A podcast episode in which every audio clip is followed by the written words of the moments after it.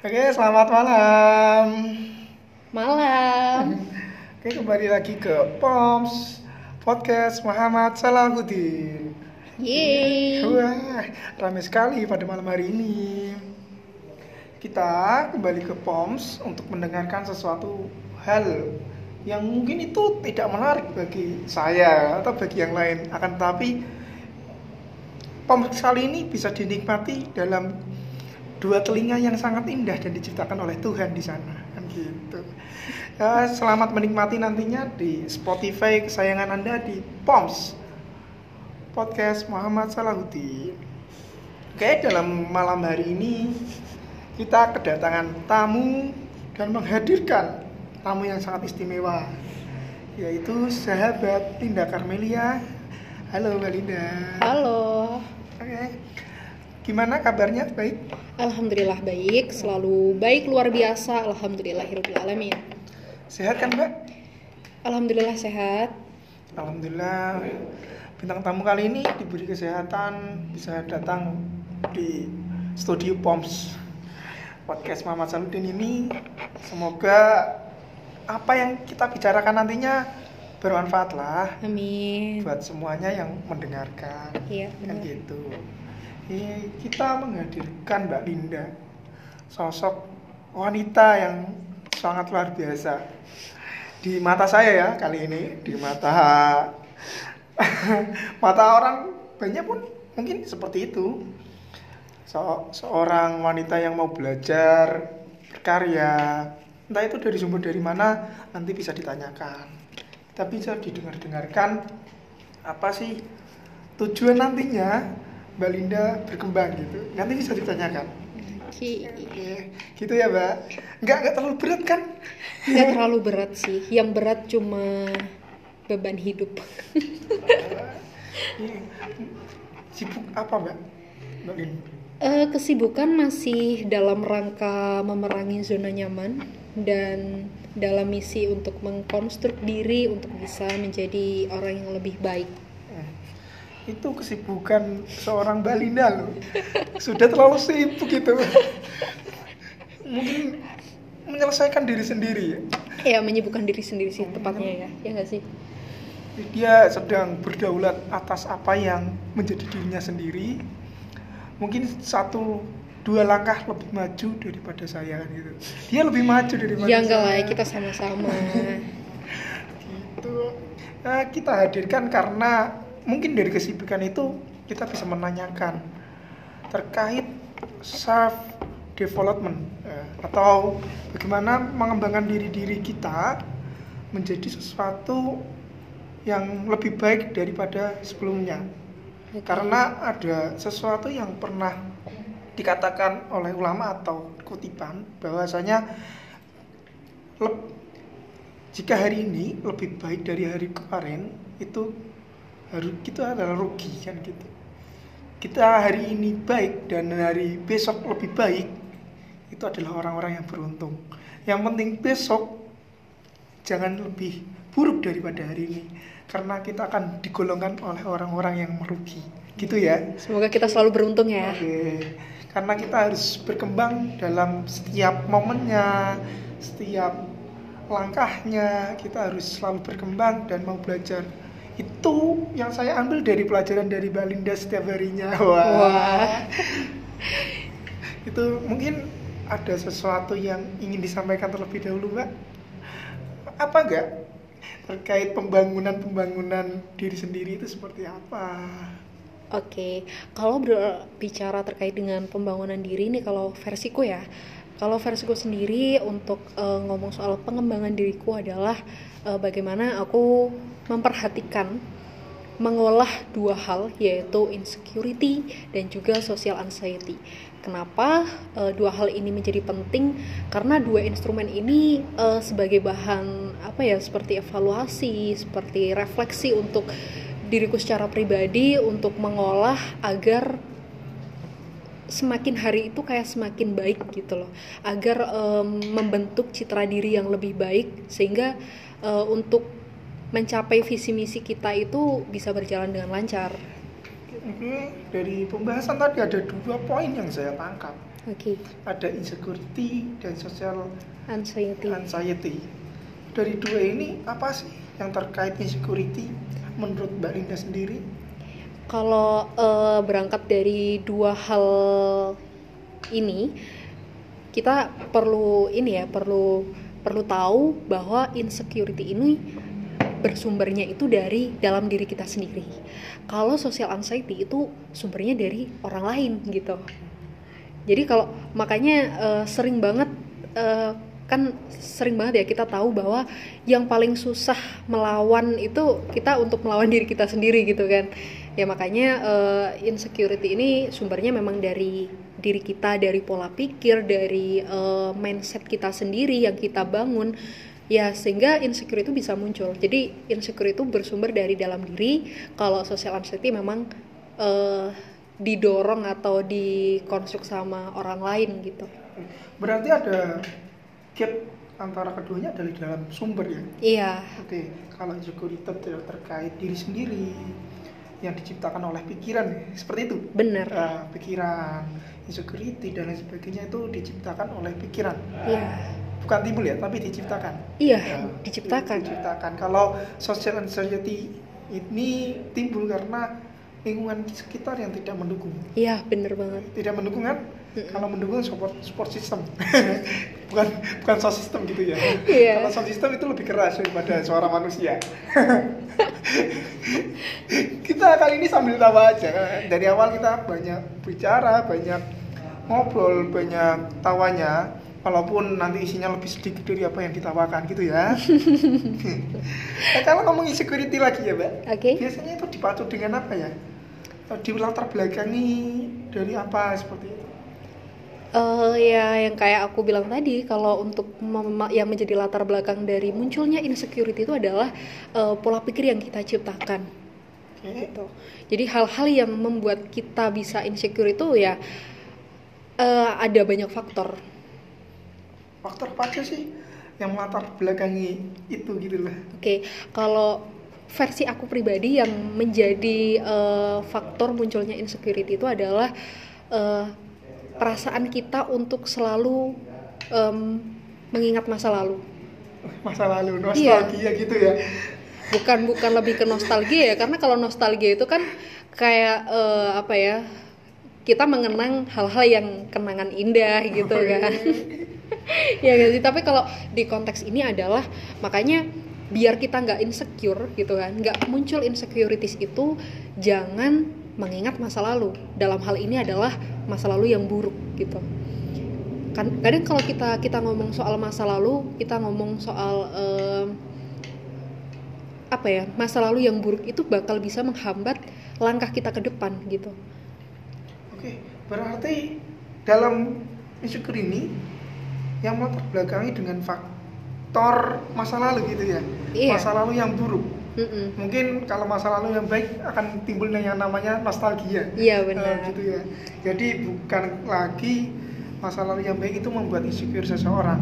benar Kalau ngomong masa lalu, masa lalu yang buruk, mungkin ada suatu cerita dari sahabat-sahabat atau teman-teman saya yang melaksanakan. Aku pun pernah merasakan apa menjalankannya kan gitu. Hmm. Itu membuat saya yang namanya traumatik. Itu bisa dikatakan insecure kan? Iya Karena reo, eh, apa namanya traumatik-traumatik tersebut bisa menghambat menghambat seseorang gitu ya. Iya benar.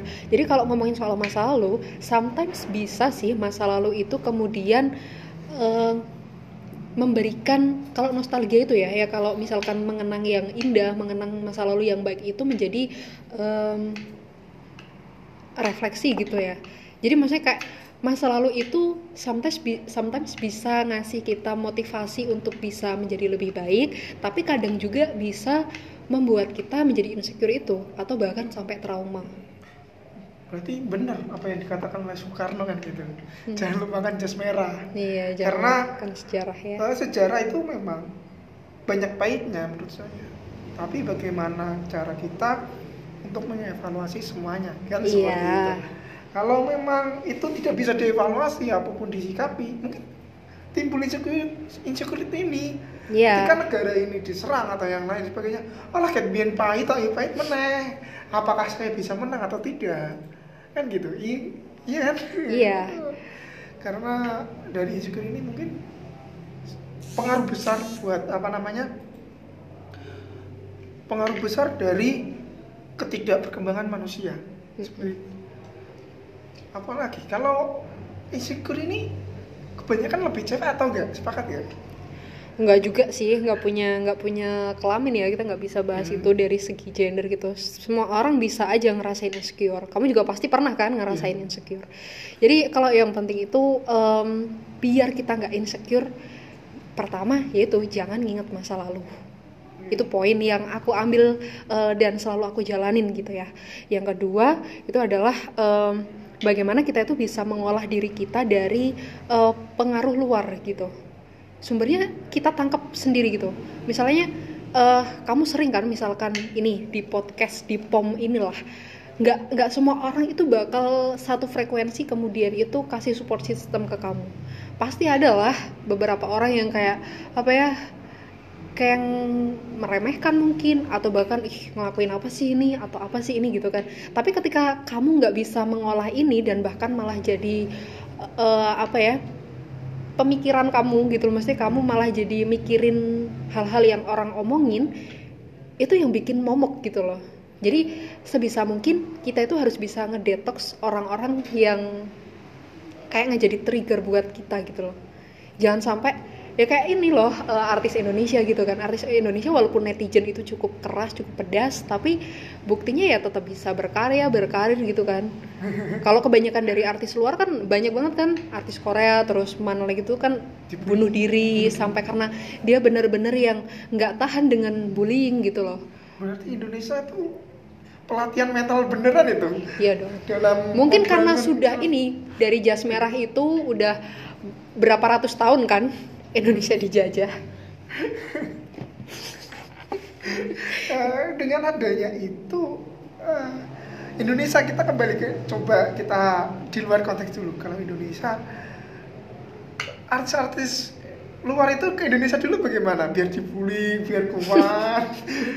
So, kalau itu sih kayaknya beda konstruk ya. Maksudnya kayak eh, beda be udah beda culture udah beda kalau kita emang orang Indonesia lahir di Indonesia ya mungkin karakternya ya ya karakter Indonesia gitu. Ya aku lihat kayak gitu sih. Jadi sebisa mungkin ketika ada komentar buruk sama orang lain itu jangan jadi hal yang negatif apa ya menjadi ketakutan untuk kita gitu. Jadi kita harus bisa memfilter ketika misalkan ada komentar-komentar buruk dari orang.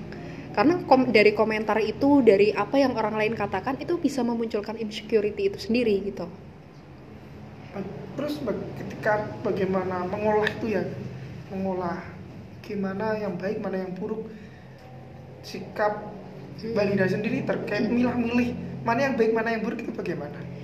Em, kalau misalkan nih aku lagi ngelakuin sesuatu gitu kan kalau misalnya ini kan aku lagi belajar nulis ya.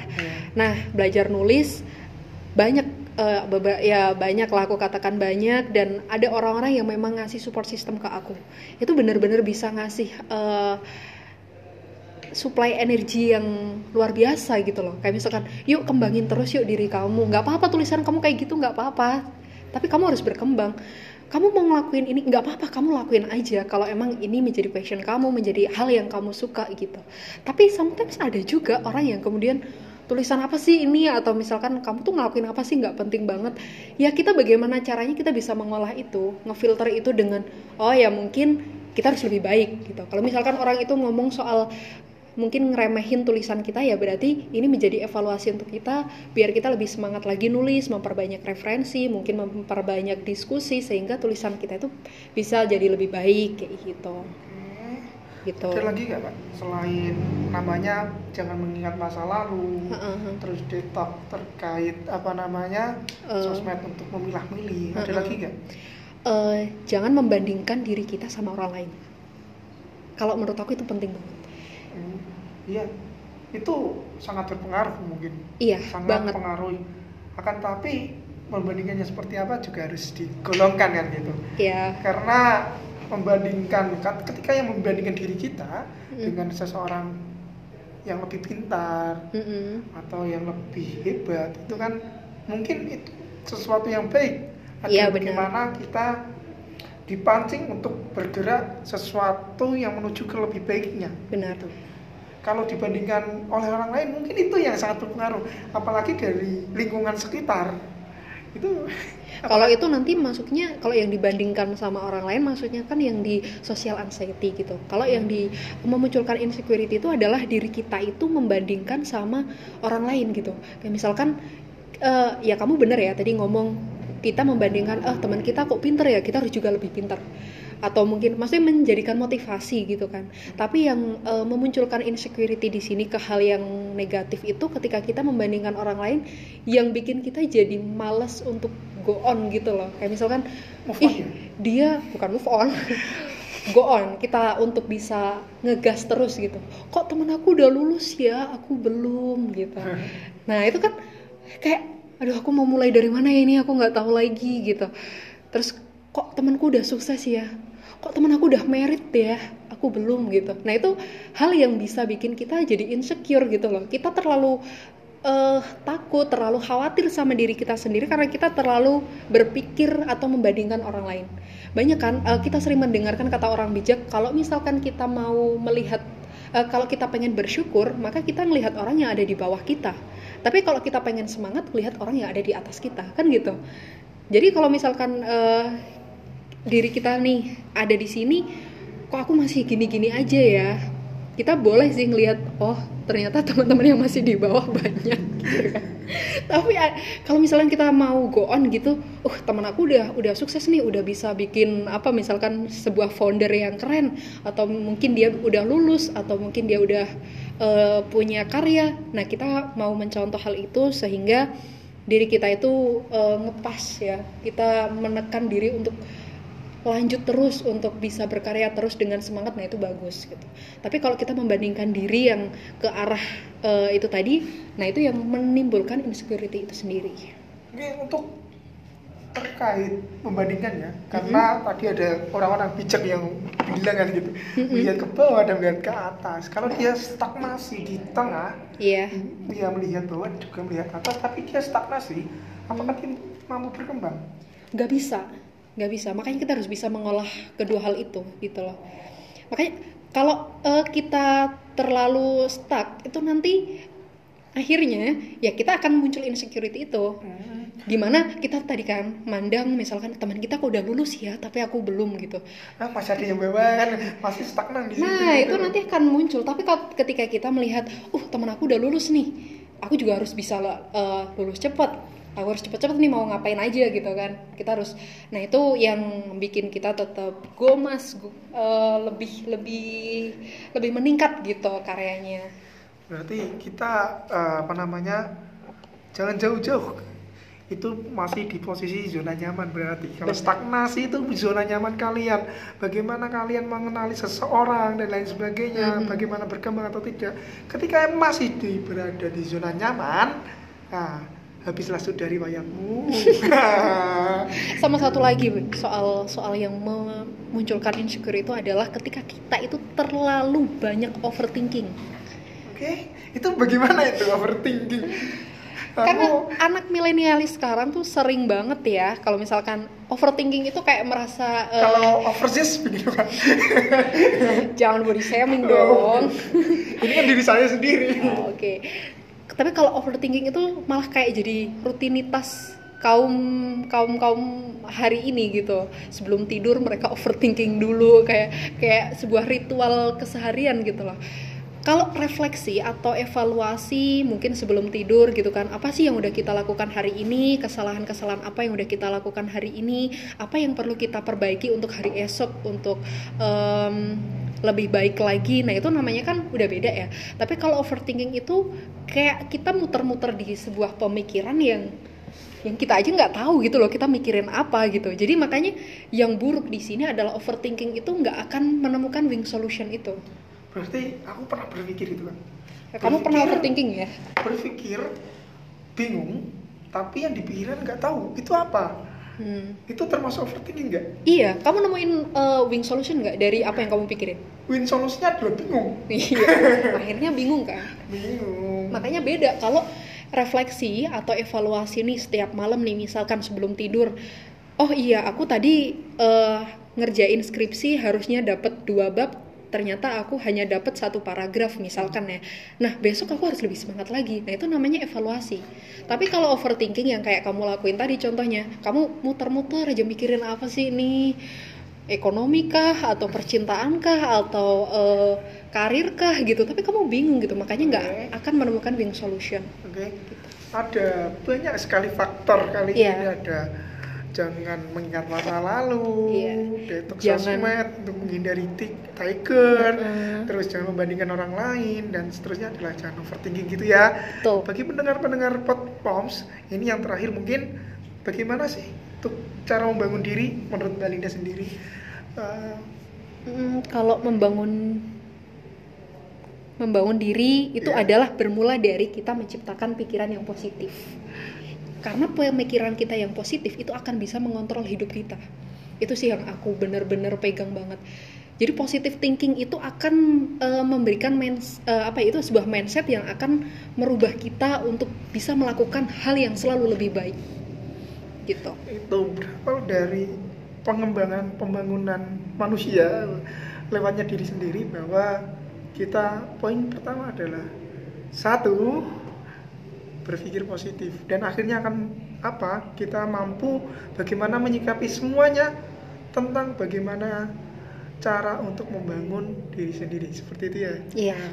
mungkin uh, obrolan kali kali ini di sekiankan dulu. Nanti kita akan ngobrol-ngobrol lebih panjang lagi di segmen yang lain. Oke. karena waktu kita untuk mendengarkan untuk berbicara mungkin ada sesuatu yang ingin disampaikan atau didengar oleh penikmat kali ini karena yang menikmati bukan satu orang atau dua orang bisa lebih banyak lebih banyak Amin. karena dia mempunyai kesibukan kan gitu. Iya. Karena waktu saya mendengarkan podcast atau yang lain itu sebelum tidur 10 menit nah gitu. Oke, cukup sekian. Terima kasih. Sama-sama, semoga kita bisa bermanfaat ya diskus Amin. kita pada malam hari ini. Kita akan membahas terkait selanjutnya terkait apa itu self development tentang Yang lain. Gitu. Oke. Siap. Selamat menikmati dan mendengarkan di POMS Podcast Muhammad Salahuddin. Selamat malam. Selamat malam.